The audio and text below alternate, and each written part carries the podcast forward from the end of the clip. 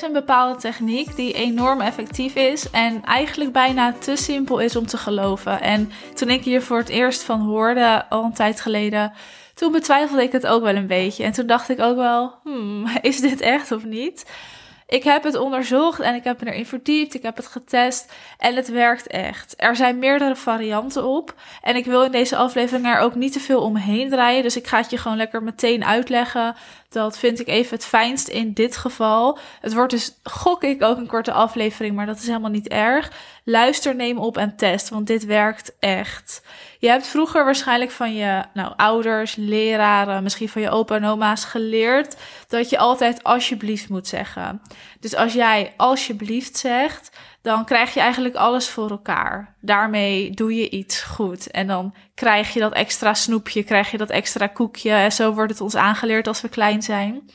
Nou, in de marketingwereld werkt dat helaas niet zo. Was wel heel makkelijk geweest hè, als we alleen maar alsjeblieft hoefden te zeggen en dat dan nou, je ideale klant je product koopt. Dat is niet zo.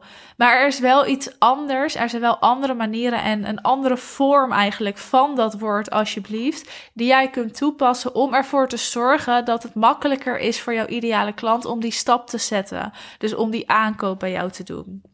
Er is echt veel onderzoek naar gedaan. En ook op allerlei verschillende manieren is er onderzoek naar gedaan. En dat maakt het ook interessant. Hè? Dus het is niet zo dat er nou, op één manier onderzoek is gedaan. Ik ga er wel even eentje benoemen. En er is onderzoek gedaan naar hoe jij het meeste geld bij elkaar kan verzamelen. Eigenlijk hoe jij het meeste geld van vreemde mensen kan krijgen. En het antwoord daarop is dus heel simpel. Er is uitgebreid onderzoek naar gedaan. Nou, ik ga niet precies uitleggen hoe. Je kan dat misschien wel voorstellen. Iemand in een, in een winkelmal, zeg maar, die vreemde mensen vraagt om geld. En daar, het, ze formuleren eigenlijk de vraag elke keer op een andere manier. Nou, dat hebben ze dus in dit geval gedaan. En het is best wel simpel hoe ze ervoor gezorgd hebben dat ze het meeste geld bij elkaar kregen. Ze doen dat namelijk door ervoor te zorgen dat de ander de volledige vrijheid voelt en de volledige vrijheid ervaart om nee te zeggen. Dus dat de ander vrij is om een keuze te maken. En jij zorgt ervoor dat dat ook duidelijk is. Dus dat is de bedoeling. En dat kan in dit geval met een simpel zinnetje als voel je vrij het wel of niet te doen. Dus als ze in hun vraag zeiden: heeft u misschien wat geld over, want ik moet de bus nemen en ik heb geen geld, maar voel je vrij om het wel of niet te doen, dan geven 50% meer van de mensen geld. En dat is best wel veel, hè, 50%. Dat betekent dus ook dat die mensen het dubbele ophalen als je dat zinnetje niet zegt. Nou, je kan het je wel voorstellen. We zijn gewoon allemaal mens. We hebben allemaal onze eigen gedachten en onze eigen meningen en onze eigen wil. En we willen gewoon doen wat we zelf willen. We willen het gevoel hebben dat we zelf alle keuzes maken. Als we het gevoel hebben dat een ander iets voor ons bepaalt, dan vinden we dat niet fijn. Dan vinden we dat vervelend, trappen we op de rem. Als we iets moeten doen, dus als iets moet, dan hebben we er ook al snel minder zin in. Zie het bij misschien je eigen kinderen, broers, zusjes, noem het op. Zodra iets moet, vinden we het niet meer leuk en willen we het niet. En dan gaan we stijgeren, trappen we weer op die rem. We willen namelijk het zelf bepalen en die keuzevrijheid hebben. En ook om dus de controle te houden over de situatie. Dat is ook echt een punt. We willen de keuzevrijheid hebben, maar ook zelf de controle hebben over die situaties. En die controle hebben we alleen als we helemaal vrij zijn om zelf een keuze te maken. Kijk maar eens naar de hele coronasituatie. Ik durf het bijna niet te zeggen in de podcast, maar goed. We moeten van alles en we mogen heel veel dingen niet meer. En daardoor ontstaat er weerstand.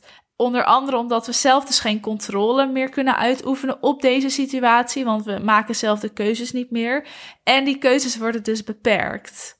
En dan gaat er weerstand ontstaan. En dit is natuurlijk wel in een massasituatie, maar jij kan ervoor zorgen dat dit ook in jouw bedrijf gebeurt. Althans, daar kan je voor zorgen, maar dat doe je meestal niet bewust. Je moet daar natuurlijk voor zorgen dat dat niet gaat ontstaan. Goed, als jij in jouw marketing de volledige keuze bij de ander weet te leggen, dan zorgt dat ervoor dat mensen sneller bij je gaan aankloppen of gaan kopen. En dat komt omdat jouw ideale klant dan echt die keuzevrijheid voelt. Je kunt dat heel simpel doen door bijvoorbeeld te zeggen: Het is volledig aan jou wat je hiermee doet.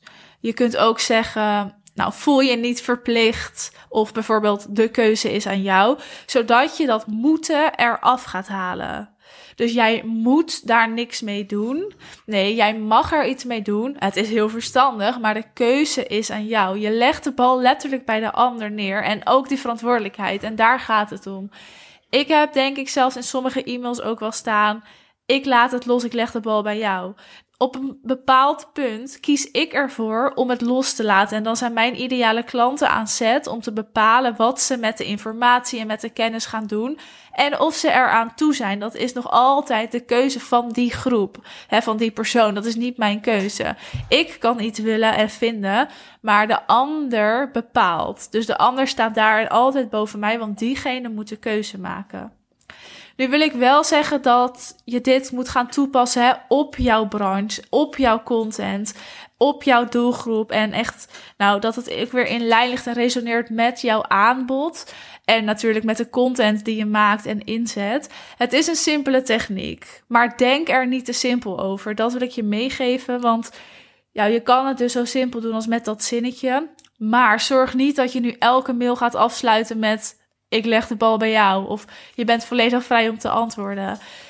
Zorg dat je het gaat verpakken, dat het passend is bij jouw uh, branche en bedrijf. Maar ook bij jouw aanbod natuurlijk.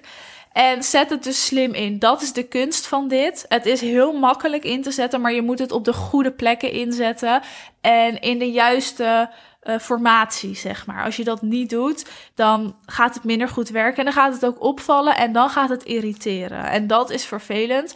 Zodra dit gaat irriteren bij je doelgroep, dan ja, heb je de plank misgeslagen, want dan zet je het niet op de juiste manier in. Wat wel ook minder belangrijk is, is dus welke specifieke woorden je gebruikt. Ik noemde net al een paar zinnen. Um, wat je kan gebruiken, bijvoorbeeld voel je niet verplicht, of de keuze is aan jou, of het is volledig aan jou wat je hiermee doet, voel je vrij wel of niet te antwoorden het maakt dus niet uit in welke zin je het verpakt, dus welke woorden je formuleert. Het gaat erom dat jij dat gevoel weet over te brengen, dat de ander die dat dus leest of hoort, ook echt het gevoel van die keuzevrijheid ervaart en ook echt de verantwoordelijkheid gaat voelen van, oh ja, het is ook echt aan mij en als ik het niet wil, doe ik het niet, als ik het wel wil, doe ik het wel. Goed, ik ben heel benieuwd hoe jij dit gaat toepassen. Voel je altijd vrij om me even een DM te sturen, ook als je hier nog vragen over hebt. Of natuurlijk als je het hebt toegepast en nou misschien even kort feedback wil. Daar ben ik heel benieuwd naar.